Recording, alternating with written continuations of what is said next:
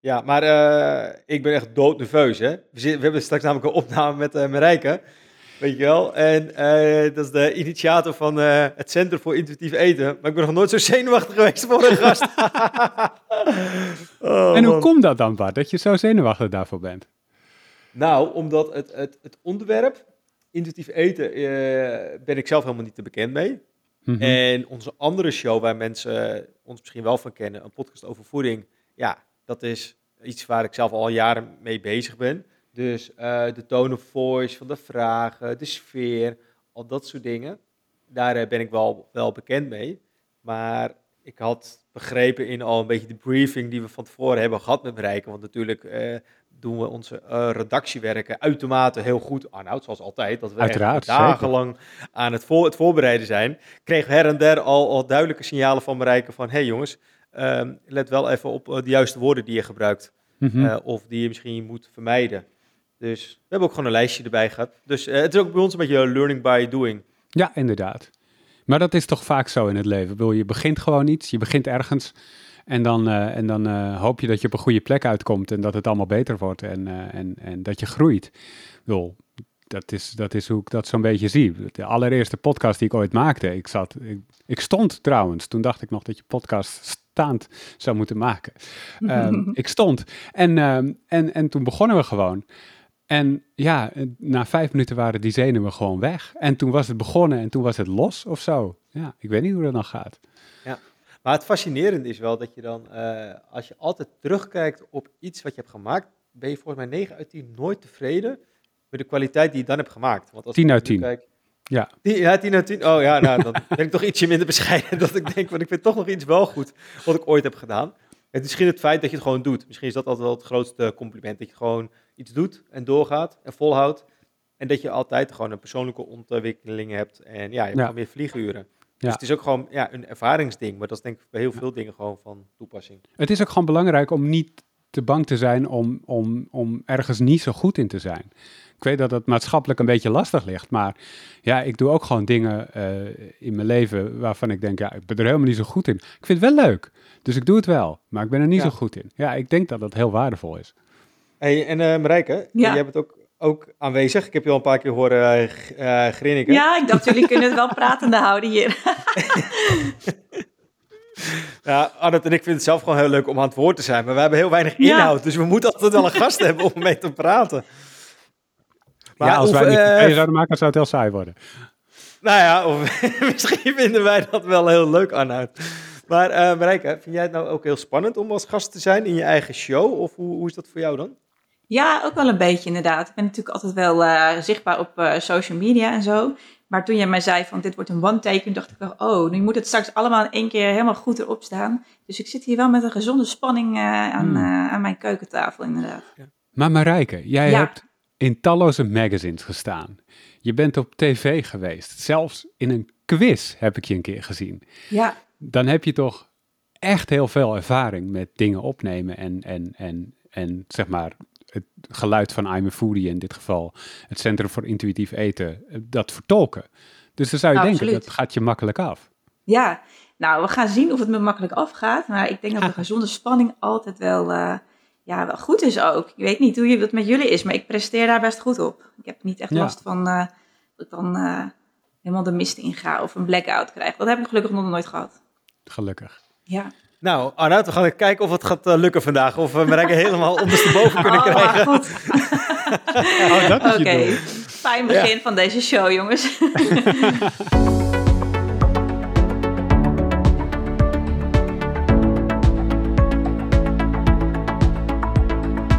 Hey, leuk dat je erbij bent. Welkom bij de allereerste aflevering van Intuïtief Eten, de podcast. En uh, mocht je een podcast over voeding van I'm a Foodie volgen, dan, uh, dan komen deze stemmen je bekend voor. Want uh, Bart Mol van I'm a Foodie, die is er ook gewoon weer bij. Hoi Bart. Hey, hallo Arnoud. Ik ben er present hoor. Yes. En binnen het Centrum voor Intuïtief Eten vinden we het ook leuk om een podcast te maken. En dus vandaag is aflevering 1. En met wie kunnen we dat beter doen dan met de initiator van het Centrum voor Intuïtief Eten, diëtist en voedingswetenschapper, ingenieur Marijke Berkenpas. Welkom. Hallo, dankjewel. Hallo. Wat een fijne introductie. Ja, ik vraag het altijd voor de zekerheid. De titel, zou ik die blijven noemen, ingenieur, of zeg je, nou, laat maar weg in het vervolg? Nee, laat maar weg hoor in het vervolg. Oké. Laat ons, als, als, als je als luisteraar ideeën hebt voor welke onderwerpen jij graag wil horen in deze show, laat het ook weten. Je kan mailen naar bart.centrum voor intuïtiefeten.nl. Dat is bart.centrum voor intuïtiefeten.nl. Bart, dan overstroomt die mailbox straks. Dat uh, vind je vast heel fijn.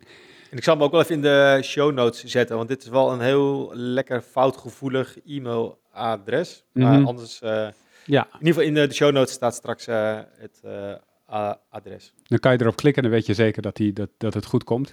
In deze anti-dieet podcast serie gaan we in op alles wat te maken heeft met gewichtsinclusiviteit, anti-dieet benaderingen zoals intuïtief eten en body positivity. En Marijke, dan heb ik gelijk een vraag voor jou. Gewichtsinclusiviteit, wat is dat? Ja, nou eigenlijk is dat zo dat je um, met respect voor alle lichamen uh, mensen benadert. Dus iedereen uh, hoort erbij eigenlijk wat je gewicht ook is. En dat kun je natuurlijk op heel veel vlakken doortrekken. Uh, mm -hmm. Maar dat komt straks allemaal wel aan bod. En dan zal ik het nog wel extra benoemen als, uh, als dat weer daar een voorbeeld van is. Oké, okay. wat is dan... Alle, ja? ja, sorry? Alle, uh, respect voor alle lichamen. Oké, maar is het dan ook iets wat het tegenovergestelde is? Dus wat het dan, wanneer gebeurt dat dan niet? Nou, je spreekt ook wel van gewichtscentraal en gewichtsneutraal. Mm -hmm. uh, gewichtscentraal is eigenlijk hoe onze hele maatschappij is ingericht. Ja, bijvoorbeeld als je naar de dokter gaat, word je op de weegschaal gezet. En um, ja, gewicht uh, is altijd wel een belangrijk item uh, in de gezondheidszorg, maar natuurlijk ook op heel veel andere vlakken. En gewichtsneutraal is eigenlijk helemaal weg van de weegschaal en het niet overgewicht hebben überhaupt. Het is geen item. En dat past okay. natuurlijk heel erg bij die gewichtsinclusiviteit. Ja, je zou dus eigenlijk net zo goed kunnen zeggen lichaamsinclusiviteit. Of niet? Zou ook kunnen, ja. En, uh, en, vandaag gaan we het hebben over de dieetcultuur. En na het luisteren van deze show weet je wat ermee bedoeld wordt. En we bespreken oefeningen om de dieetbril af te zetten. Dus ik ben heel benieuwd uh, waar het allemaal heen gaat. Ja. Maar voordat we daar dieper op in gaan, Marijke, even een stapje terug. Want jij hebt het Centrum voor Intuïtief Eten opgericht. Uh, eerder dit jaar volgens mij, ergens in het voorjaar, heb ik dat goed? Nou, eigenlijk al een beetje eind vorig jaar. Eind vorig jaar. Ja. En waarom?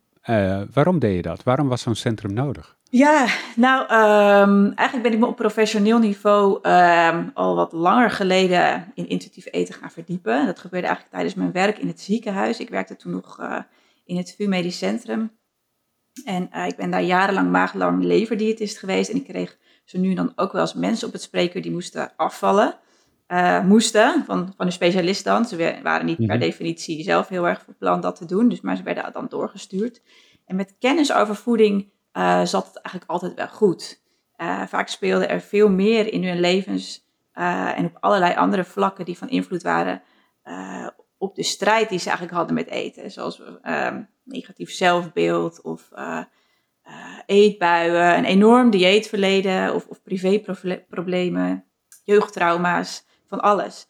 en ik was dus heel erg op zoek naar een manier om mensen beter te kunnen helpen en begeleiden om die relatie met eten en voeding en ook met hun lichaam te verbeteren en ook te kunnen veranderen. En juist echt te gaan werken aan gezondheid. In plaats van ja, die focus op de weegschaal de hele tijd. Want ik was er eigenlijk ook wel achter, na al die jaren, ik ben inmiddels 16 jaar, uh, 16 jaar diëtist, dat diëten niet werken. Mhm. En um, ik heb ook al zo'n zeven jaar dus een platform over voeding en wetenschap, uh, I'm a Foodie, waar we het net al over hadden. En ja. uh, we vertalen daar wetenschap naar de praktijk. En we hebben daar ook een boek gemaakt, dat heet Eet als een expert een basisboek over gezonde voeding, hebben we het eigenlijk ook al niet echt over calorieën en, en voedingsstoffen en zo. Want uh, dat, dat idee zat er eigenlijk toen al een beetje wel in, van dat dat niet echt helpend is voor mensen. Maar ik merkte ook dat ja, als mensen geen goede relatie met voeding hebben, dat um, ja, als ze scalen hebben aan andere problemen, dat ze die kennis helemaal niet kunnen gebruiken. Dat ze eigenlijk niet zoveel hebben aan dat soort kennis, niet in dit stadium. Mm -hmm. En um, ik kende intuïtief eten wel via social media. Um, het, ja, eigenlijk uh, heb je bijvoorbeeld in Amerika is het veel bekender, uh, maar het in Nederland helemaal geen mainstream manier om mensen te helpen. En zeker niet als je in een ziekenhuis werkt. Um, want in het ziekenhuis is net als in de hele gezondheidszorg eigenlijk heel gangbaar om gezondheid te koppelen aan gewicht en BMI. Terwijl, ja, gezondheid heeft eigenlijk zoveel facetten. Hè? Uh, denk aan bewegen, voeding, slaap, stress, maar ook je sociale interactie of je werk-privé-balans, dat soort dingen. En slank zijn betekent eigenlijk niet automatisch dat je gezond bent. Um, Je kunt ook kijken naar bewegen, wat eet je, dat soort dingen. Maar dat leer je eigenlijk, je leert het wel een beetje tijdens de opleiding. Ik heb dat wel wat geleerd. Maar, maar natuurlijk gaat het ook heel erg nog over gewicht. Ja, dus ik ben me toe gaan verdiepen in die Amerikaanse boeken over intuïtief eten. En podcast gaan luisteren en een opleiding gaan doen. En ja, ik was wel heel erg getriggerd ook door die succesverhalen van mensen. Die, die ja, veel beter in hun vel zitten en betere kwaliteit van leven hebben. En um, ja, als diëtist heb je natuurlijk wel die skills om mensen te helpen op dat gebied van coaching mhm. en gesprekstechnieken. Um, maar um, ja, eigenlijk is dit, deze manier, die, dat intuïtief eten manier, een heel andere benadering eigenlijk. Je zet veel mensen veel meer in hun eigen kracht. Ze staan meer aan het roer.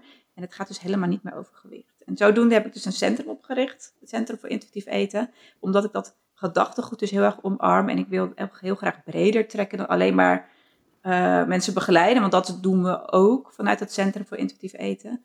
Maar het mhm. heeft nog, nog, uh, nog drie... Ja, het heeft eigenlijk vier pijlers. Eentje uh, zijn de boeken. We hebben een aantal boeken uitgebracht over intuïtief eten, eigenlijk de basisboeken uh, van uh, Tribbley en Rash. En die basisboeken die waren nog helemaal niet in Nederland op de markt. Ik vond dat verbazingwekkend. Dus helemaal dus niet? Ik, nee, verbazingwekkend eigenlijk vond ik dat. Want het zijn zulke goede en ook in het buitenland hele populaire boeken. Zelfs zo dat na ehm, ja, het, een van die boeken is al sinds 94 op de markt. En die is vorig jaar eigenlijk helemaal geüpdate uitgekomen. En die hebben we dus mm vertaald, die update. Ehm, ja, dus die boeken dus, groepscoaching, dat, dat zijn we, daar zijn we nog een beetje mee bezig. Omdat we nog aan het ontdekken zijn van welke kant uh, gaat het op. En wat willen mensen eigenlijk leren. En ja. uh, persoonlijke coaching. Uh, dus is één op één coaching. En ook een stukje onderwijs. Daar kan ik straks nog wat meer over vertellen. Ehm, dus ja, zo is dat eigenlijk allemaal ontstaan. Inmiddels werk ik ook niet meer in het ziekenhuis. Enerzijds omdat het gewoon uh, ook een beetje te druk werd allemaal. En anderzijds uh, ja, kan het ook niet helemaal rijmen met elkaar, deze manier van werken. En ook nog werken in een ziekenhuis. Dat past, past niet helemaal. Maar mag ik even, nog even terug, Marijke? Want ik, noem je, ik, ik, ik, hoor je zeggen, het zijn vier pijlers. Dus ja. het zijn boeken. Dus dat is dan het tekstboek. En dan is onlangs is dan het werkboek uitgekomen. Ja. En waar, daar sta je dus nu, want die één op één coaching die staat ook al live, zeg maar. Dus daar, zijn, daar is de eerste editie is ook al uh, lopende. Ja. En wat is de stip aan de horizon? Waar wil je intuïtief eten heen brengen binnen nu en drie jaar? Uh, nou, ik zou sowieso heel veel meer bekendheid aan willen geven. En dat is ook de reden uh, ja, dat we deze podcast natuurlijk zijn opgestart om gewoon mensen te inspireren om uh, ja, je kunt zoveel meer uit je leven halen als je die strijd met die weegschaal laat varen. Dus dat, dat vind ik heel mooi als we dat mensen kunnen uh, meegeven. En uh, ja, toch een beetje die, uh, ik hoop toch een klein beetje die dieetcultuur wel te kunnen ombuigen naar iets ja, veel positievers. En, en maar, maar, ik weet, ja, het is natuurlijk lastig te zeggen of dat lukt. Mm um, maar met ons centrum ja, gaan we heel veel mensen helpen denk ik de komende jaren. En Waar dat dan precies heen gaat, vind ik altijd moeilijk. Ik weet, ben ik nooit goed in, net als bij een sollicitatiegesprek. Waar zie je jezelf op vijf jaar? En dat vond ik altijd super moeilijke vragen. Dus dat, dat weet ik eigenlijk niet helemaal goed. Maar ja, wij zijn wel, denk ik, het centrum om naartoe te gaan als je, als je worstelt met, met uh, voeding en je strijd met eten voert in je lichaam. Maar is het centrum, is het, is het, is het meer gericht op gewoon mensen, dus de, de, de, de, de mensen die I'm a Foodie ook al volgen en zo? Of is het meer gericht op diëtisten om duidelijk te maken van hé, hey, deze methode kun je ook doen in plaats van het gewoonlijke letten op het gewicht en dat soort zaken of andere methodes? Ja, het is een beetje, een beetje allebei. Primair wel, uh, wel uh, ja, ik noem het even consumenten. Uh, Maar omdat we het ook belangrijk vinden om die boodschap verder te verspreiden en dat we ook veel vragen krijgen eigenlijk van diëtisten. Van hoe werkt dat dan? En ik wilde meer over leren. Richten we ons ook op, uh, op uh, vakgenoten, maar dat kunnen ook gewichtsconsulenten zijn of uh, leefstijlcoaches. Het kan van alles mm-hmm. zijn. Um, ja, om, en het is natuurlijk ook interessant om onderwijs te ontwikkelen, want dan blijf je zelf ook heel erg bij de les, vind ik. Omdat je gewoon je gaat verdiepen in die literatuur en ja, hoe breng je dat dan over en wat leeft er eigenlijk in het land? Dus dat heeft, het is altijd een win-win, vind ik, om uh, onderwijs te geven. Ik heb het altijd veel gedaan door de jaren heen en ik heb er altijd veel meer zelf uitgehaald dan je van tevoren denkt. Ook. Ja. Ga jij die lessen geven eigenlijk? Of, uh... nou, het wordt een combinatie, want uh, er zijn ook, het heeft natuurlijk intuïtief eten heel veel raakvlakken met de psychologie. Dus ik mhm. heb nu net een samenwerking opgestart met twee collega ja, psychologen die op het vlak van intuïtief eten en voeding en dieet, anti-dieet benaderingen eigenlijk werkzaam zijn.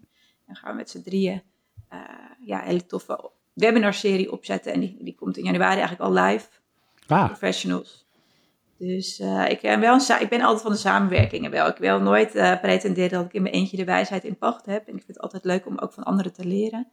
En mhm. ik denk dat dat een hele toffe samenwerking is. Wetenschap, voeding, diëtetiek en psychologie in één, uh, onder één dak eigenlijk. Ja. ja, nog één vraag voordat we doorgaan naar de dieetcultuur. Ja.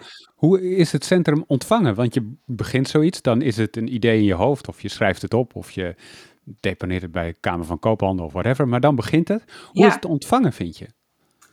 Um, nou ja, ik denk dat de mensen die, die ik uh, het uit kan leggen, dus bijvoorbeeld uh, die me volgen via social media of die op onze nieuwsbrief uh, geabonneerd zijn, dat, ja, die zijn heel positief. Maar als ik bijvoorbeeld, ik heb mhm. laatst bijvoorbeeld een interview gedaan voor nu.nl, wat over intuïtief eten ging onder andere.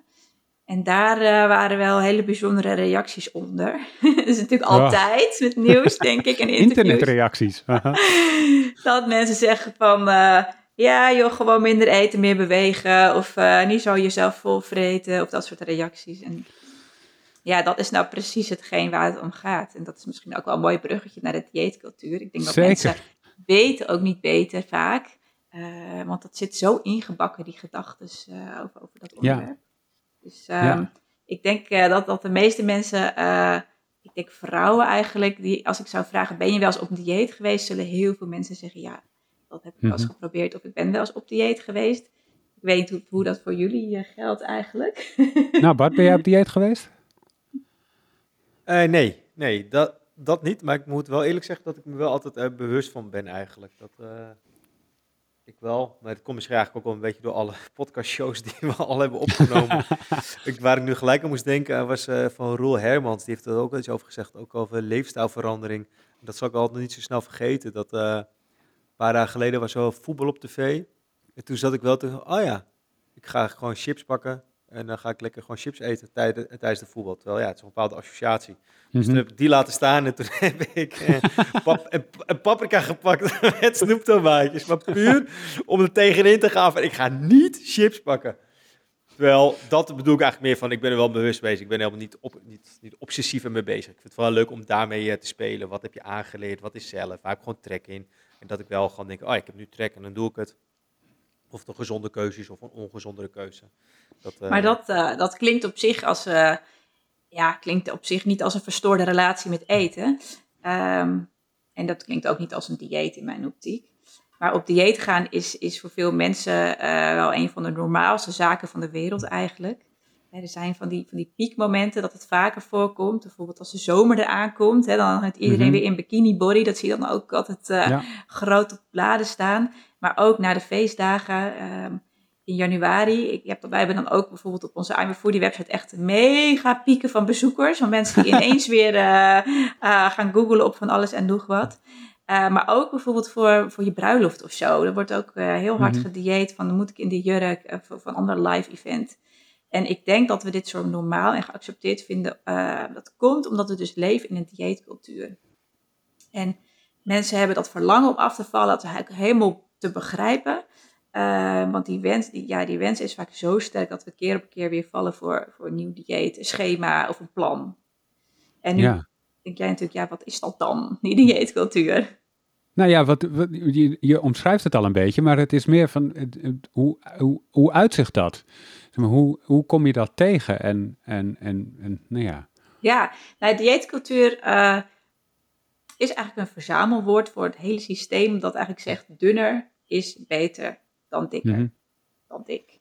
En je hoort mij nu al zeggen dun en dik. Dat, dat vind ik ook wel leuk om meteen even op in te zoomen. Um, want uh, wij zijn eigenlijk gewend om het te hebben over overgewicht en over obesitas. En dat was mm ook altijd. Ik zeg niet, want we hadden het ook aan het begin van die podcast over leren en uh, jezelf ontwikkelen. uh, ik heb ook heel veel geleerd over dit onderwerp en ook over taalgebruik. En uh, obesitas betekent eigenlijk volgevreten. Dat is eigenlijk helemaal niet zo'n leuk woord. En ehm, overgewicht betekent eigenlijk over een bepaald gewicht. Dus blijkbaar Mhm. over een bepaald gewicht wat wij blijkbaar met z'n allen afgesproken hebben dat sociaal, maatschappelijk acceptabel is. Uh, dus die woorden kun je beter niet gebruiken als je gewichtsinclusief wil praten. Dan kun je het beter hebben over dun en dik. Net als lang en kort, groot en klein, dun en dik. Doen jullie met me mee? dun en dik. maar, maar toch even een, een tegengewicht hier aan Ja. bieden. Want het is toch wel zo dat eh, ehm, eh, wat wij normaal overgewicht noemen, dus eh, dikte, dat dat wel geassocieerd wordt met heel veel soorten ziektes. Dus dat er wel echt een gezondheidswinst te behalen valt door een dunner lichaam te hebben. Nou, niet per definitie, maar daar kan je dus een hele show aan wijden. Eh, om dat allemaal uit te diepen. Dat gaan we zeker doen. Ehm, maar ik kan nu alvast verklappen dat eh, die relatie tussen eh, gewicht en gezondheid veel minder duidelijk is dan we allemaal denken. Het gaat meer om associaties en niet om oorzaak-gevolgrelaties. Maar dat Mhm. is denk ik onderwerp voor een, eh, voor een volgende show om daar heel uitgebreid op in te gaan. En dat is ook super interessant natuurlijk. Waarom denken we dat met z'n allen? Ja, Ehm, Maar kun jij daarop, eh, daar, daarop ingaan of is dat een eh, collega? nou, jou ik denk, ehm, ik weet dat ehm, ja, een van mijn collega-psychologen, Femke Buwalda, eh, weet daar echt heel erg veel van. En die vindt het ook heel leuk om over te vertellen. Eh, dus dat is echt een hele leuke gast voor de volgende show. ja. want als dit, als dit echt een mythe is, dan is hij wel echt super hardnekkig. Hè? Ja. Het is echt... Maar komt dit dan voort uit de dieetcultuur? Is dit iets wat daar onderdeel van is? Eh, ja, dat klopt. Daar kan ik straks nog wel iets meer over vertellen. Maar ik dacht misschien zal ik eerst nog wat meer over die definitie van de dieetcultuur Ja, vertellen. Want ehm, wat ik net zei, is het dus een, een verzamelwoord voor het hele systeem. Ehm, en dat is een systeem van overtuigingen. En ehm, Christy Harrison is een Britse diëtist en wetenschapper. En eh, zij heeft een hele mooie omschrijving eigenlijk gemaakt van die dieetcultuur. En is wel ook heel vaak geciteerd. Ik vind dat eigenlijk zelf ook een hele mooie. Dus daarom wil ik hem met jullie delen. En hij bestaat eigenlijk uit vier eh, items. Eh, waarvan de eerste is dat dieetcultuur een systeem van overtuiging is dat slank zijn verheerlijkt. En het gelijk stelt aan gezondheid en mentale kracht. Mhm. En dat zie je in de media bijvoorbeeld, zie je genoeg voorbeelden van.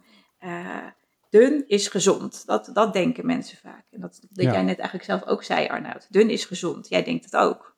Ik denk het ook, Ehm, ja. En daardoor kun je je hele leven lang denken dat je eigenlijk totaal verkeerd bezig bent. En eh, als, je maar, als je niet voldoet eigenlijk aan dat slanke ideaalbeeld. Dat voor veel mensen onmogelijke slanke ideaalbeeld. Ja, dus dat is eigenlijk het eerste.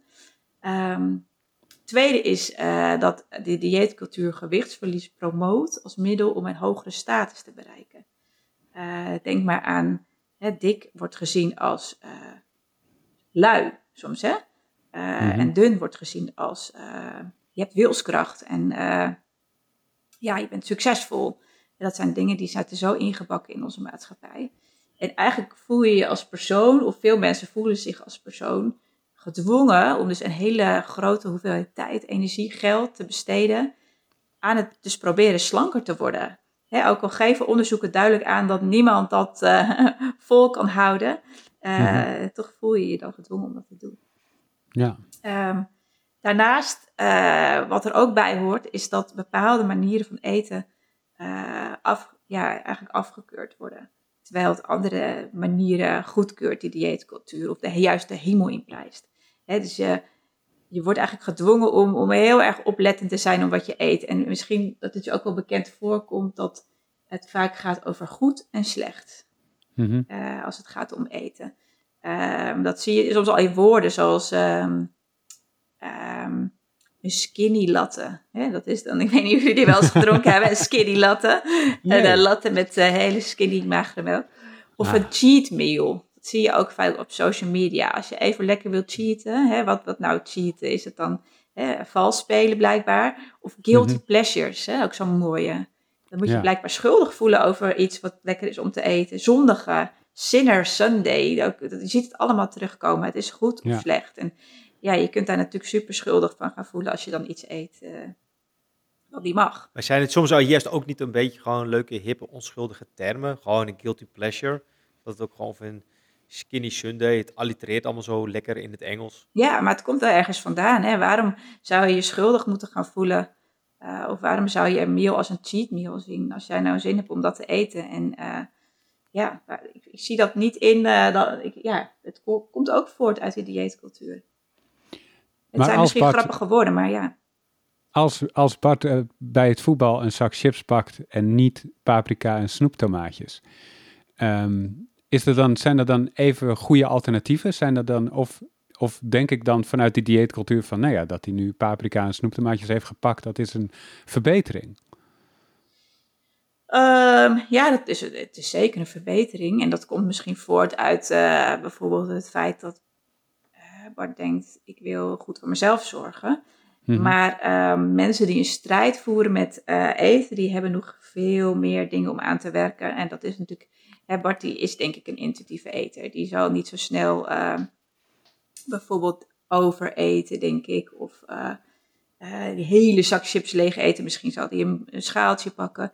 dus dat zijn hele andere dingen om mee bezig te zijn, denk ik.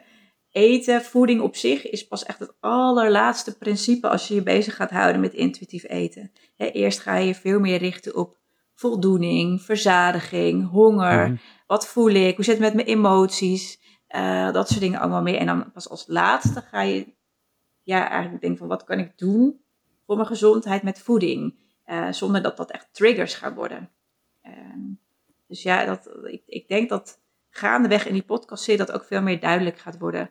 Uh, dat het niet per definitie gaat om dat stukje voeding op zichzelf, maar echt om het hele gedrag eromheen. Ja, nou, ik vind het wel, wel grappig om, om ook wat je zegt, Marijke, dat het dus eigenlijk al heel erg al vroeg begint waarschijnlijk met uh, zowel het opvoeden of hoe je zelf opgevoed bent, een associatie met voeding, uh, het zelfbeeld wat je hebt, wat je ook weer overdraagt als je zelf weer kinderen hebt, dat je denkt, oh ja, uh, je gaat eerst iets, iets lekkers aanbieden qua eten of iets, iets wat ze moeten eten en daarna misschien koop je het af met, met snoep of zo bijvoorbeeld. In sommige gevallen bijvoorbeeld, of dat je een beloning in het vooruitzicht stelt. En ook in relatie tot alle dingen die je op social media ziet. Als bijvoorbeeld met name misschien, uh, nou in ieder geval, ik wou, ik wou misschien alweer geen, generaliseren, maar laat ik het op, uh, op mezelf uh, betrekken. Als ik op Instagram zit, dat ik dan opeens heel veel advertenties zie van gasten die heel erg hard trainen, enorme mooie gespierde lichaam hebben. Dat ik eigenlijk ook denk van, oh ja, moet ik dat eigenlijk ook gaan doen? Yeah. Dat ik er zelf denk, ja, ik vind het leuk om te gaan hardlopen, want dat vind ik gewoon, gewoon leuk om te doen. Dat hou ik vol. padel, dat is een, vind ik ook een leuke balsport om te doen maar dat is ook een beetje dieetcultuur. Hè? Dat is uh, hoe mannen beïnvloed worden. Je ziet eigenlijk afgetrainde lichamen en het idee dat je als man gespierd en breed moet zijn. Dat heeft daar natuurlijk ook heel erg mee te maken. Ja. En uh, we hadden trouwens nog eentje over uh, Arnett en Bart. Ja, ik wou net zeggen, er zit nog een lijntje in mijn hoofd, die is nog niet af. We missen er nog één. Um, want als je dus niet voldoet aan dat ideaalbeeld van uh, ja, gezond eigenlijk, hè, uh, dan kan je je onderdrukt gaan voelen of gediscrimineerd. Hè. Er komt heel veel discriminatie voor als het gaat om uh, dik zijn. Uh, mm -hmm. En dat schaadt echt de gezondheid van mensen. Um, ja, ook bijvoorbeeld mentaal. Ja, dat kan echt een enorme impact hebben. Het kan in kleine dingen zitten hoor, dat je bijvoorbeeld niet in een bepaalde stoel past. Of ja, dat, je, bijvoorbeeld dat er geen kleding is die leuk is voor jou. Of, of ja, ja, van alles zijn eigenlijk. Maar dat, dat, dat setje van vier is eigenlijk het totale systeem van overtuigingen. Uh, wat we dieetcultuur noemen. Het is eigenlijk een soort bril ook. In, in mm -hmm. het boek, um, tekstboek Intuïtief Eten noemen we het de dieetbril. Uh, want die meeste mensen kijken eigenlijk door een gekleurde dieetbril naar hun eigen lichaam, gezondheid, beauty. Um, en dat zorgt eigenlijk voor een, voor een heel gekleurd beeld en oordeel over jezelf. En dat is eigenlijk overal aanwezig, die dieetbril waar je doorheen kan kijken. In tijdschriften, films, uh, series, maar ook, ook gewoon bij de dokter, de kapper, bij je vrienden. Ik weet niet, overal is het. En, en ik heb er ook wel een hele rij van voorbeelden van hoor, als we dat leuk vinden. Maar als stel, bestel voor dat, dat uh, de dingen die je nu zegt, hè, dan heb je, heeft iedereen heeft dan zeg maar een dieetbril in eerste instantie op. En doordat je hier open voor staat, je krijgt er meer kennis van, ga je hem afzetten en leg je die dieetbril weg.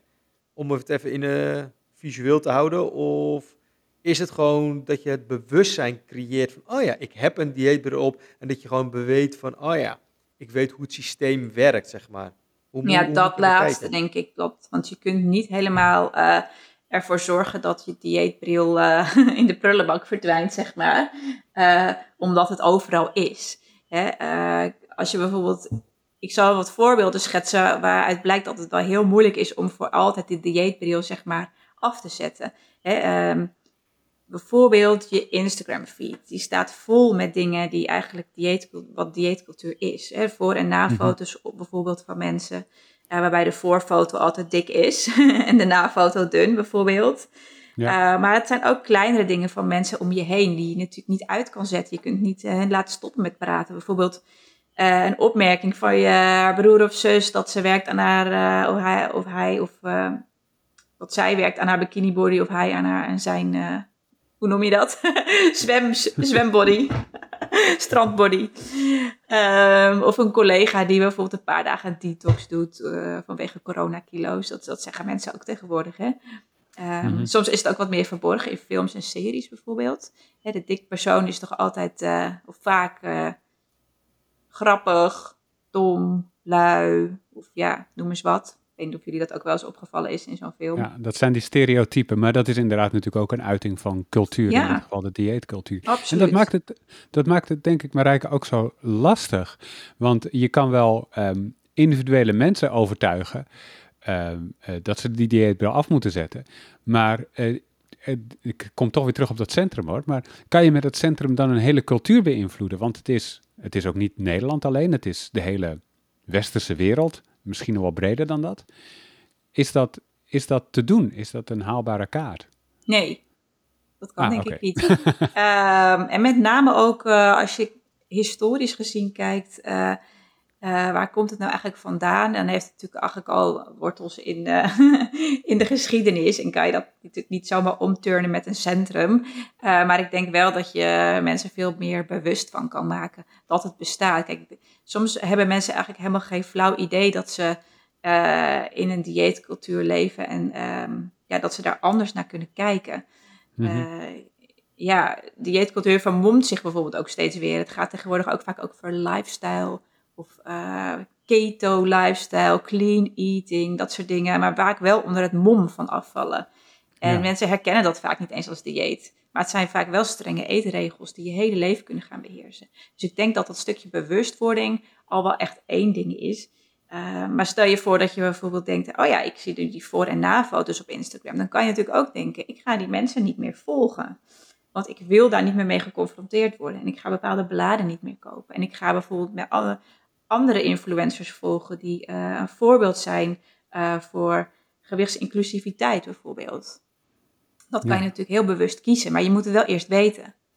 Um, wat ook dieetcultuur, bijvoorbeeld uh, als je bij de dokter komt en die zegt dat je eerst maar eens even moet gaan afvallen, terwijl je bijvoorbeeld helemaal niet daarvoor komt. Hè? Stel je voor dat je komt voor pijn in je arm, bij wijze van spreken. Uh, dat, is, dat is ook wat dieetcultuur is. En dan moet je toch van goede huizen komen om te zeggen, hey, uh, ik wil niet op de weegschaal en ik wil het daar eigenlijk helemaal niet eens over hebben. En dan zou ja. de dokter misschien ook denken, huh, daar heb jij het over. Maar goed. Ja, en dan moet je dan ook dus allemaal doorheen. En je zei net al, dit is niet heel nieuw. Is er, is er een beeld van hoe lang deze dieetcultuur al bestaat? Bedoel, toen Columbus Amerika ontdekte, dacht hij toen al bij allemaal nieuwe planten, is dit wel goed voor mijn gewicht? nou, het is grappig, want als je het grootste deel van, onze, uh, van, de geschiedenis kijkt, dan willen mensen helemaal niet uh, afvallen of hun voeding beperken. Uh, het belangrijkste doel was eigenlijk genoeg eten vinden. Ja. En mollig zijn of dik zijn stond voor spoor, voorspoed en welzijn, rijkdom ook. Hè? Ja. Um, en dat zie je ook wel terug in, in oude afbeeldingen en, en beelden en, van bijvoorbeeld koningen of goden of zo. Dat, dat zijn vaak uh, personen. En um, dat betekende ook gewoon, als je dikker was, een grotere kans om een hongersnood te doorstaan. En uh, vruchtbaarheid en zo. En dun zijn betekende mm-hmm. armoede, ziekte, dood. Dat is toch niet echt fijn. Um, en uh, ik had van, van tevoren nog even, even verdiept in het onderwerp. En toen zag ik dat er uh, dus ook een beeldje is. Het oudste beeldje uh, van een mens uit de oude steentijd. Echt iets van 35 tot 40.000 jaar geleden. dat het beeldje dus gemaakt is. En dat is ook een lichaam met vetrollen. Ah. Ja. Dus, toen was dat ook al. Dat, het feit dat ze die persoon gekozen hebben om af te beelden, betekent waarschijnlijk ook dat het een persoon van aanzien was. Dat zou kunnen, ja. Dat zou kunnen. Ja. Dus uh, ja, dat is het interessante. Dus de dieetcultuur, uh, die zaadjes voor de dieetcultuur zijn veel later pas geplant. Er zijn ook natuurlijk allemaal theorieën over. Hè, bijvoorbeeld dat in de klassieke oudheid, uh, bijvoorbeeld door Hippocrates voeding al wel gebruikt werd in, in medische context. Dat het al wel een beetje ging over goed en slecht, bijvoorbeeld. Mm maar ook de industriële revolutie heeft een duit in het zakje gedaan. Denk bijvoorbeeld aan, vroeger had je gewoon kleding die voor jou gemaakt werd. Hè? Maatwerkkleding. En toen op een gegeven moment kwam er ineens custom, um, niet custom made, maar um, confectie. Dat werd gewoon uh, van de lopende band rolde dat. Was niet meer door een kleermaker. En daar zou iedereen dan in moeten passen. dat zijn kleine dingetjes die natuurlijk allemaal meehelpen aan zo'n uh, idee over wat een goede maat is, bijvoorbeeld. Er zijn ook theorieën die, uh, dat, dat een deel van die dieetcultuur voortkomt uit racisme. Dat is heel interessant. Ik ben, het is niet mijn hoofdonderwerp, maar als je daar meer over wil lezen, is daar echt een heel goed boek over. Dat is uh, Fearing the Black Body, uh, The Racial Origins of Fatphobia van um, een socioloog, Sabrina Strings. En um, ja, toen in Amerika steeds meer immigranten kwamen en de witte middenklasse eigenlijk ja, manieren zocht om een meer dominante positie uh, te behouden, werd de lichaamsvorm eigenlijk ook een punt van vergelijking. En dik zijn werd eigenlijk gelinkt aan zwart zijn. Uh, dus er zijn allemaal theorieën over hoe die dieetcultuur is ontstaan. En op een gegeven moment uh, ja, kwamen er natuurlijk ook gewoon dieetgoeroes. uh, ja, William Banting is een van de eerste dieetgoeroes. En de grap is dat... Van wanneer, wanneer hebben we het dan? 1860 volgens mij, 1862. Um, die uh, promoot een dieet met weinig koolhydraten. Dat is echt super grappig, want dat is nu, nu ook weer hip. dat is gewoon, uh, ja, hij was al heel erg uh, zijn tijd vooruit, ver vooruit, denk ik. En ja, er kwamen op een gegeven moment natuurlijk ook geprinte media en zo. En toen kon die boodschap ook steeds verder worden verspreid. En toen kwamen er ook magazine covers en ads voor dieetproducten. En het nou hele grappige dingen die vroeger dan uh, gepromoot werden om af te vallen. Uh, bijvoorbeeld uh, pillen met arsenicum of lintwormen. Oh. dat waren echt dingen toen. Uh, En er zijn natuurlijk daarna steeds veel meer diëten gekomen. Er zijn natuurlijk echt elke tien jaar is er weer iets anders wat helemaal hip en happening is als op het gebied van dieet. ja, we... Bijvoorbeeld The Weight Watchers, Atkins, South Beach, uh, ja, noem maar op. Uh, ook pillen natuurlijk en zo. En ik denk dat dat eigenlijk de laatste factor die, die belangrijk is als je het hebt over dieetcultuur, die heeft gezorgd eigenlijk voor uh, hoe we er nu tegenaan kijken, is dat op een gegeven moment gewicht dus gelinkt werd aan gezondheid. Dat was eigenlijk nooit zo. Um, Dat is pas volgens mij een beetje zo rond 1900 of zo ontstaan dat uh, ja, mensen ineens ook naar hun dokter kwamen van ik wil afvallen, wat kan ik doen? En daarvoor stond er nooit eens een weegschaal in een dokterspraktijk. Um, dus dat kwam eigenlijk van. En er was ook helemaal geen literatuur over uh, de link tussen gewicht en gezondheid. Uh, dat kwam eigenlijk pas toen een beetje op. Dat die mensen die, die associatie gingen maken. Dus ik denk dat dat plaatje eigenlijk, uh, dat eigenlijk wel een compleet plaatje is van hoe die dieetcultuur eigenlijk is ontstaan en hoe we daar dan nu tegenaan kijken. En social media heeft het tegenwoordig natuurlijk ook wel steeds ingewikkelder gemaakt, want het wordt heel makkelijk om uh, ja, door je social media feed te scrollen en je maar te gaan vergelijken met uh, Jan Alleman. Ja, ja, en wat, wat je nog niet genoemd hebt, wat misschien ook van invloed is geweest, daar hebben we het in een podcast over voeding wel vaak over gehad al, is uh, de supermarkt en hoe die uh, is veranderd de afgelopen nou ja, pak een beetje eeuw van kruidenier met een paar producten naar allemaal processed foods nu, die, die voor het grijpen liggen en hartstikke goedkoop zijn. Ja. is daar ook van bekend hoe groot die invloed is geweest? Is dat, is dat een, een, een, grote invloed? Um, nou, ik denk wel überhaupt de, de industrie, de voeding, voedings- en dieetindustrie, dat er wel op een gegeven moment duidelijk werd van hoeveel geld er eigenlijk in te verdienen valt. Het is echt een... Miljarden markt om daarmee bezig te gaan. En dat zie je, die producten zie je ook natuurlijk gewoon terug in de supermarkt. Uh, dus ik denk wel dat, daar, uh, dat er zeker dat het meespeelt inderdaad. Ja, kan ik het zo zien dat, dat, dat er een hele industrie is om mensen uh, dikker te maken dan ze willen. En daarnaast een industrie die er weer voor moet zorgen dat mensen uh, uh, dunner worden dan, dan dat ze. Nou ja, dan dat ze eerst van plan waren om dik te worden, zeg maar. Dus dat er twee industrieën zijn. Zo zou je het eigenlijk wel kunnen zien, denk houden. ik. Ja, zo zou je het kunnen zien. En ik denk als er één uh, dieet was of één oplossing, dat, dat er niemand nu dik zou zijn. Nee, mm -hmm. dat zou, als ja. het zou werken. Dus mensen vallen keer op keer weer voor een nieuw iets dat komt ook steeds weer terug. Hè? Dan is een dieet in en na een tijdje is het weer uit. En over een paar jaar is, het, is dat hetzelfde principe weer in. Maar dan in een ander jasje weer. Ja, of met een andere persoon. Ja, ja met een andere persoon inderdaad. Um, en ja, misschien uh, herkennen mensen thuis dat ook nu wel van... Uh, oh ja, ik zit daar misschien ook wel middenin. Of oh ja, ik laat me ook wel beïnvloeden door, door uh, de dieetcultuur. Ja, soms ja. denken mensen bijvoorbeeld ja, als ik uh, slank zou zijn, dan zou ik bijvoorbeeld makkelijk een nieuwe baan vinden. Of als ik slank zou zijn, dan zou ik uh, een vriend of vriendin vinden of een relatie aan kunnen gaan. Of uh, weer in bikini naar het strand gaan. Of op dansles gaan of zo. Of noemen ze een andere hobby wat ze niet doen omdat ze, hun lichaam niet goed vinden. Hè, dat, dat ja. mensen zetten zoveel hun leven eigenlijk in de wachtstand. En dat komt allemaal voort uit uit de dieetcultuur en waar ja, mensen denken ik moet aan die en die normen allemaal voldoen. En doen daar hartstikke hard hun best voor. En dat is echt super jammer natuurlijk. Um, want er is zoveel meer in het leven dan dat. En die anti-dieetbeweging, um, dat, dat zijn eigenlijk de voorvechters van intuïtief eten, maar ook bijvoorbeeld mindful eten en um, health at every size. Dat is eigenlijk ook een beetje een nieuwe term, denk ik hier. Maar dat betekent mm eigenlijk gezondheid ongeacht je maat. Um, dat gaat eigenlijk helemaal in tegen die mythe van de dieetcultuur en, en ook de diëten die uh, gepromoot worden binnen de dieetcultuur. Uh, ja. ja. Hey, zie je een, een, tendens in hoe, hoe uh, grote bedrijven of merken of sportmerken, hoe die, hoe die omgaan met dieetcultuur?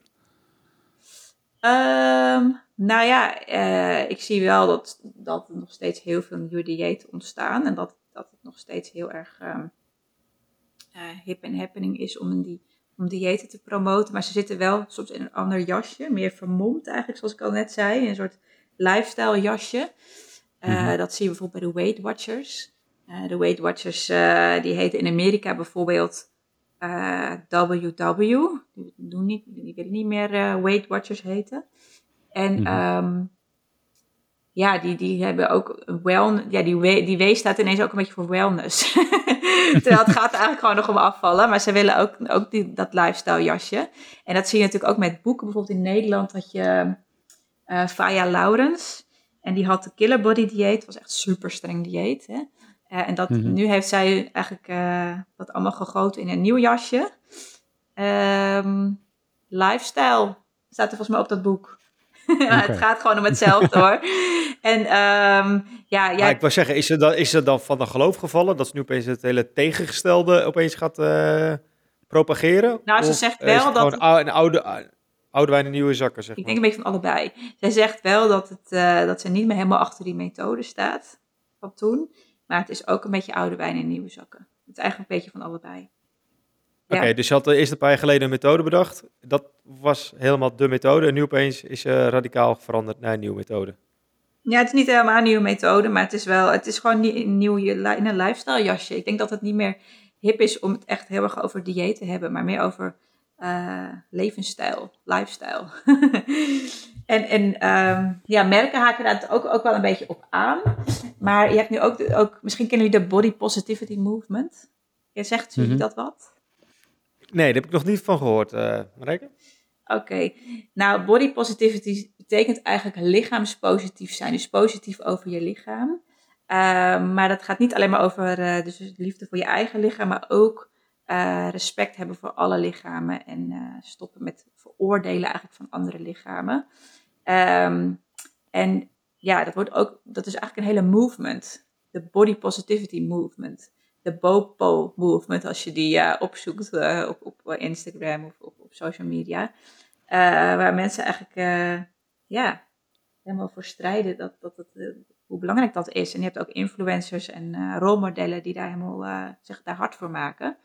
En je merkt dat, ehm, ja, dat dat wel bijval krijgt. Dat er veel mensen zijn die, dat, die zich daarbij aansluiten of zich daarin kunnen vinden. En dat ook merken zijn, sportmerken bijvoorbeeld, die uh, denken, oh ja, daar ga ik ook wat mee doen. Bijvoorbeeld door uh, ja, grotere maten eigenlijk, aan te bieden, bijvoorbeeld van sportkleding. En dan denk ik, ja, waarom mhm. ook niet natuurlijk? Als je, maakt helemaal niet uit wat voor maat je hebt. Sport is altijd leuk. En waarom moet je dan meteen een of ander groot t-shirt aan? Het kan toch gewoon een leuke sportset aan. En dat is natuurlijk super fijn als je dan ineens dat soort kleren in jouw maat kan vinden. Maar dat ze ook adverteren ja, met uh, dikkere modellen bijvoorbeeld. Dus daar, is wel, daar gebeuren wel dingen. En dat zie je ook bijvoorbeeld bij lingeriemerken die ineens gewoon, ja, ik noem maar even echte vrouwen, gebruiken voor hun campagnes. Dat zijn nog steeds wel, vind ik, vrouwen die voldoen aan een bepaalde beauty standaarden die hebben nog steeds wel een, maar ja, die hebben dan in modellenwereld plus size, zo wordt het dan genoemd, ook zo'n stom woord. Ehm, maar dan uh, ja, zijn ze nog steeds wel in bepaalde proporties of zo. Dan zie je, vind ik nog steeds niet echt een rollen of zo. dus ja, hoe, of dat nou echt echte vrouwen zijn, vraag ik me dan af. Maar het is wel een stap in de goede richting, denk ik. Ja. En dus is het eigenlijk ook zo dat juist uh, mensen dus onzeker worden vanuit die dieetcultuur. Ik kan me juist voorstellen als je als man of maar ook als vrouw, dat je die plaatjes allemaal ziet. Dat je denkt, oh ja, ik zie die modellen die allemaal heel erg slank zijn. Waarbij je het idee hebt dat is dus het ideaalbeeld. Dat het juist die onzekerheid stimuleert. Ja, onwijs. Ja, je gaat natuurlijk uh, vergelijken. Dat doen mensen heel snel, dat vergelijken. En je ziet plaatjes of je ziet die... En 9 van de 10 keer is het bijvoorbeeld ook nog gefotoshopt. Hè? Uh, op mhm. social media is dat natuurlijk eh, heel vaak het geval. En dan, maar ook gewoon op magazine covers en zo. Het is gefotoshopt vaak. Het is helemaal niet realistisch om er zo uit te zien. Dus um, ja, natuurlijk word je daar onzeker van. Ik denk dat heel veel mensen dat hebben. Ook al heb je misschien een gezonde relatie met voeding. Je gaat je altijd vergelijken. En vrouwen zijn er helemaal een ster in. Hè? Om op het strand eens even te gaan checken hoe andere vrouwen eruit zien. en dan vergelijken met zichzelf. Of bijvoorbeeld als je een feestje binnenloopt en... Uh, even kijken wie, uh, wie er dunner is of dikker is dan jij. Dat doen dat mensen ook veel. Ja. ja. Voor mannen zal het misschien echt denken, oh, als je... zijn van, daar hebben jullie het over. Maar dat het is echt, misschien echt een vrouwending. Ja. ja. Maar dat, dat, dat vind ik zo wel een, een, goed, een goed haakje. Stel voor dat een luisteraar dat heeft. Hè, dat zegt, oh ja, inderdaad, wat Marek zegt, en, en dat heb ik. Wat is dan de vervolgstap? Moet ze een boek gaan kopen uh, of juist niet? Uh, moet ze de podcast blijven luisteren, omdat het daarin uh, wordt dat behandeld? Dat sowieso, Bart. Ja, nou, ik denk dat dit, als jij ja, wat wilt doen aan, aan je relatie met je lichaam of de strijd met eten, een betere relatie met eten wil ontwikkelen, dan is het een heel traject, denk ik, wat je door kan gaan. Het hangt helemaal van af hoe vaak je op dieet bent geweest en ja, wat je allemaal hebt meegemaakt, hoe lang dat duurt. Maar ik denk dat het bijvoorbeeld wel een eerste stap kan zijn om bijvoorbeeld eens te kijken of je de dieetbril kan gaan afzetten. Of in ieder geval af en toe kan gaan afzetten. Dus een beetje um, ja, die dieetcultuur gaan leren herkennen en er ook echt een beetje tegen in opstand komen. En dat er zijn verschillende dingen, strategieën eigenlijk om, om daaraan te werken. Dat is niet van de een op andere dag dat je dat zomaar kan doen. En je kunt bijvoorbeeld, als je dit herkenbaar vindt, is bij jezelf nagaan uh, wat diëten je nou eigenlijk hebben gekost. Hè? Uh, Diëten zijn niet onschuldig. En misschien ben je bijvoorbeeld alleen maar aangekomen door de jaren heen. Of uh, misschien heb jij nog heftiger een eetstoornis ontwikkeld. Misschien heeft het je wel bakken met geld gekost. Zo, ik heb daar wel eens een polletje over gedaan op social media. En uh, mensen zeggen soms wel dat het, een tien, dat het ze 10.000 euro heeft gekost. Al die diëten. Nou, wat kan je daar al van, van doen? Ja, um, ja, het levert je misschien wel heel veel stress op. Of je voelt je slecht over jezelf. Je hebt misschien wel een laag zelfbeeld. Maar het kan ook in andere dingen terugkomen. Hè? Misschien dat jij wel allemaal sociale uitjes hebt gemist. Omdat je op dieet was en je wilde niet gaan eten in het bijzijn van anderen. Of ja, je hebt je leven in de wachtstand gezet. Ja, zet gewoon eens goed onder elkaar wat dieet jou allemaal heeft gekost. Uh, om eens je bewust te worden van die impact van dieet en de dieetcultuur op jouw hele leven. Hè? Het gaat natuurlijk vaak al heel vroeg terug. En wij begeleiden nu ook een hele groep mensen um, met een traject van vier maanden. Uh, om um, ja, eigenlijk weer een intuïtieve eter te worden. En wat eigenlijk voor ook ons heel erg opvalt, is dat de zaadjes al geplant zijn in de jeugd en vaak al in de puberteit of nog eerder. Hè, dat het kan voorkomen dat mensen hun eerste dieet al volgden toen ze tien waren. En dan denk je, ja, hoe komt dat? Hè? Waar zit hem dat in? En dat is natuurlijk ook interessant om daar eens mee aan de slag te gaan. Hè? Hoe is jouw relatie eigenlijk met eten? En hoe komt dat eigenlijk dat je op, je op tienjarige leeftijd al je eerste dieet hebt gevolgd? Hè? Wat waren die triggers in je jeugd om überhaupt op dieet te gaan? En hoe gingen je ouders eigenlijk om met eten? En had je bijvoorbeeld dat je geen toetje mocht als je straf had? Of um, ja, mocht je bepaalde dingen niet? Of werd je bijvoorbeeld uh, op je vingers getikt als je te veel at? Of, of, juist andere dingen omtrent eten? Wat is jouw relatie uh, met eten? En die, die, van je ouders, hoe was dat? Was je moeder bijvoorbeeld continu op dieet vroeger? Dat zijn allemaal interessante dingen om ook eens voor jezelf helemaal uit te diepen. En soms uh, heeft dat zo, zoveel impact dat je dat misschien met een coach of een diëtist moet doen. Hè? Dat, dat, niet, dat je dat in je eentje misschien niet ziet zitten. Maar dat zijn wel dingen die denk ik al in de basis gaan helpen om die dieetbril af te kunnen zetten. Om eens onder ogen te zien wat, ja, wat het eigenlijk met jou heeft gedaan. Ja. Ehm, en, en ja, wat verwachtte je eigenlijk van het dieet? Of wat verwacht je nu van een dieet? En uh, hoe zag eigenlijk in jouw geval bijvoorbeeld die realiteit er eigenlijk uit? Hè? Um, ja, misschien uh, dacht jij van ik uh, ga een dieet volgen en over drie maanden ben ik 10 kilo lichter. En in, in, de werkelijkheid was je misschien uiteindelijk wel wat afgevallen, maar ook helemaal niet happy en obsessed door eten. Kreeg je eetbuien, dat soort dingen. Dus hoe ging dat eigenlijk in de werkelijkheid? Dat zijn die ja. ook doen. Dus het is een beetje je relatie met diëten en met eten in het algemeen misschien wel een beetje in kaart brengen wat je het beste kan doen, wat een goed startpunt is ja, dat helemaal in kaart brengen is een goed startpunt. En je kunt natuurlijk ook nog wel even serieus kijken naar, uh, ja, ik noem het even social media detox. het woordje detox uh, gebruik ik eventjes in een hele andere context. Um, ja, wie volg je eigenlijk? En um, ja, zou je die nog wel uh, willen volgen? Wat zijn die boodschappen daarvan? Dus eigenlijk alles wat met dieetcultuur te maken heeft, zou je gewoon kunnen ontvolgen. Of ja, niet meer kopen als het om bladen gaat. Um, ja, er zijn natuurlijk ook allemaal wel van die red flags. Hè, als een influencers praten over uh, ja, voor en na, of calorieën, of macro stellen. Of ja. waar hebben ze het allemaal over als ze alleen maar aan de green juice zitten, dat soort dingen. Ja, zou je die nog wel moeten volgen dan? En zou je niet beter ja. BOPO, body positivity, kunnen volgen of intuïtief eten? Als je daar, uh, is ook een hashtag, intuïtief eating official, die kan je volgen. Dan zie je eigenlijk allemaal interessante content over intuïtief eten. Ah. Ik denk eigenlijk, uh, Arnoud, dat we wel uh, een hele goede eerste show hebben. Sorry dat ik dat even tussen beide kom. Uh, ik, ik dacht even aan uh, dat we Marijke, misschien Marijke van Rossum moeten gaan noemen. Dat je gewoon een kwartje ingooit en dat ze gewoon een uur lang ons helemaal bijpraat over een onderwerp. Het is, een, het is een compliment om Marijke, maar ik moest er even aan denken. Want ik ben echt een groot fan van Maarten van Rossum met al die podcasts. Maar ik kan het bijna niet meer bijhouden, want hij produceert bijna per dag, produceert hij gewoon een show. Dus daar moest ik even aan uh, denken. Maar uh, ik vond het super interessant hoor. Ja, ik heb nog wel. Mag ik nog één tip geven? Nee, dat wordt show 2. Ik zie namelijk een timer lopen en gemiddeld erbij is. Eén tip. Ja, jullie waren in het begin ook heel lang aan het praten, dus uh, maar ik wil nog één tip geven. doe je weegschaal de deur uit. ah, ja. Weegschaal is het ultieme instrument van de dieetcultuur. En dat, als je die de, weegschaal, die de deur uit doet, dan gaat het al beginnen met rust geven. Oké, dus weegschaal in de grijze bak.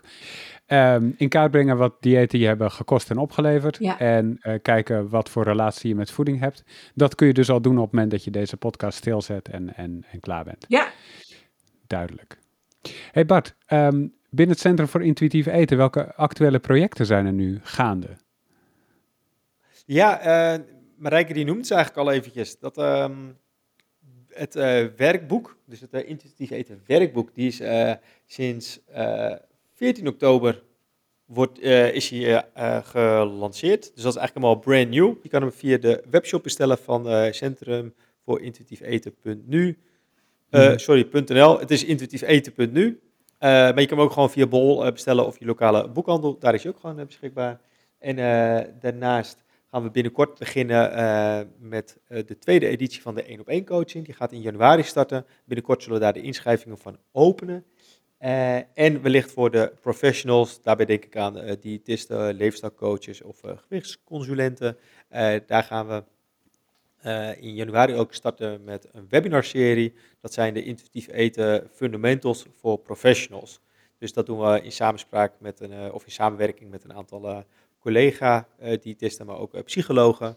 Dus dat, daar komen we binnenkort nog met heel veel informatie over. Dus dat is echt super relevant en leuk, denk ik, voor de mensen om op de hoogte van te zijn. En ik had nog één kleine vraag even naar Marijke. Ja. Want um, heb je nog suggesties voor gasten die we kunnen vragen voor vervolgshows? Je noemde al even Femke Buwalda, noemde je op. Die heb ik genoteerd. Heb je nog andere collega-professionals? Um, nou, Diana van Dijken dus. Um, mm -hmm. Waarmee we ook die, uh, ja, die professionals uh, webinar serie ontwikkelen. Um, die is ook heel leuk om te vragen, denk ik. Die heeft echt superveel praktijkervaring ook in het begeleiden van mensen. Ja, om die strijd met eten op te geven. Uh, ja. Of eigenlijk opgeven, of te veranderen eigenlijk, hè, om, te, om te buigen. Dus die zou je ook kunnen vragen. Oké, okay heb het genoteerd. Yes. Hey, vond je dit een leuke podcast? Heb je er veel van geleerd, net als ik? Dan kun je in Apple Podcast, als je daar luistert, een eh, rating achterlaten en eh, een review schrijven. Zouden we heel leuk vinden. Je kan deze podcast natuurlijk luisteren overal waar je andere podcasts ook luistert, want daar is hij overal beschikbaar. Dankjewel Bart, dankjewel Marijke. Yes. Yes. Jij dankjewel voor het luisteren en graag tot de volgende keer. Oké, doei doei.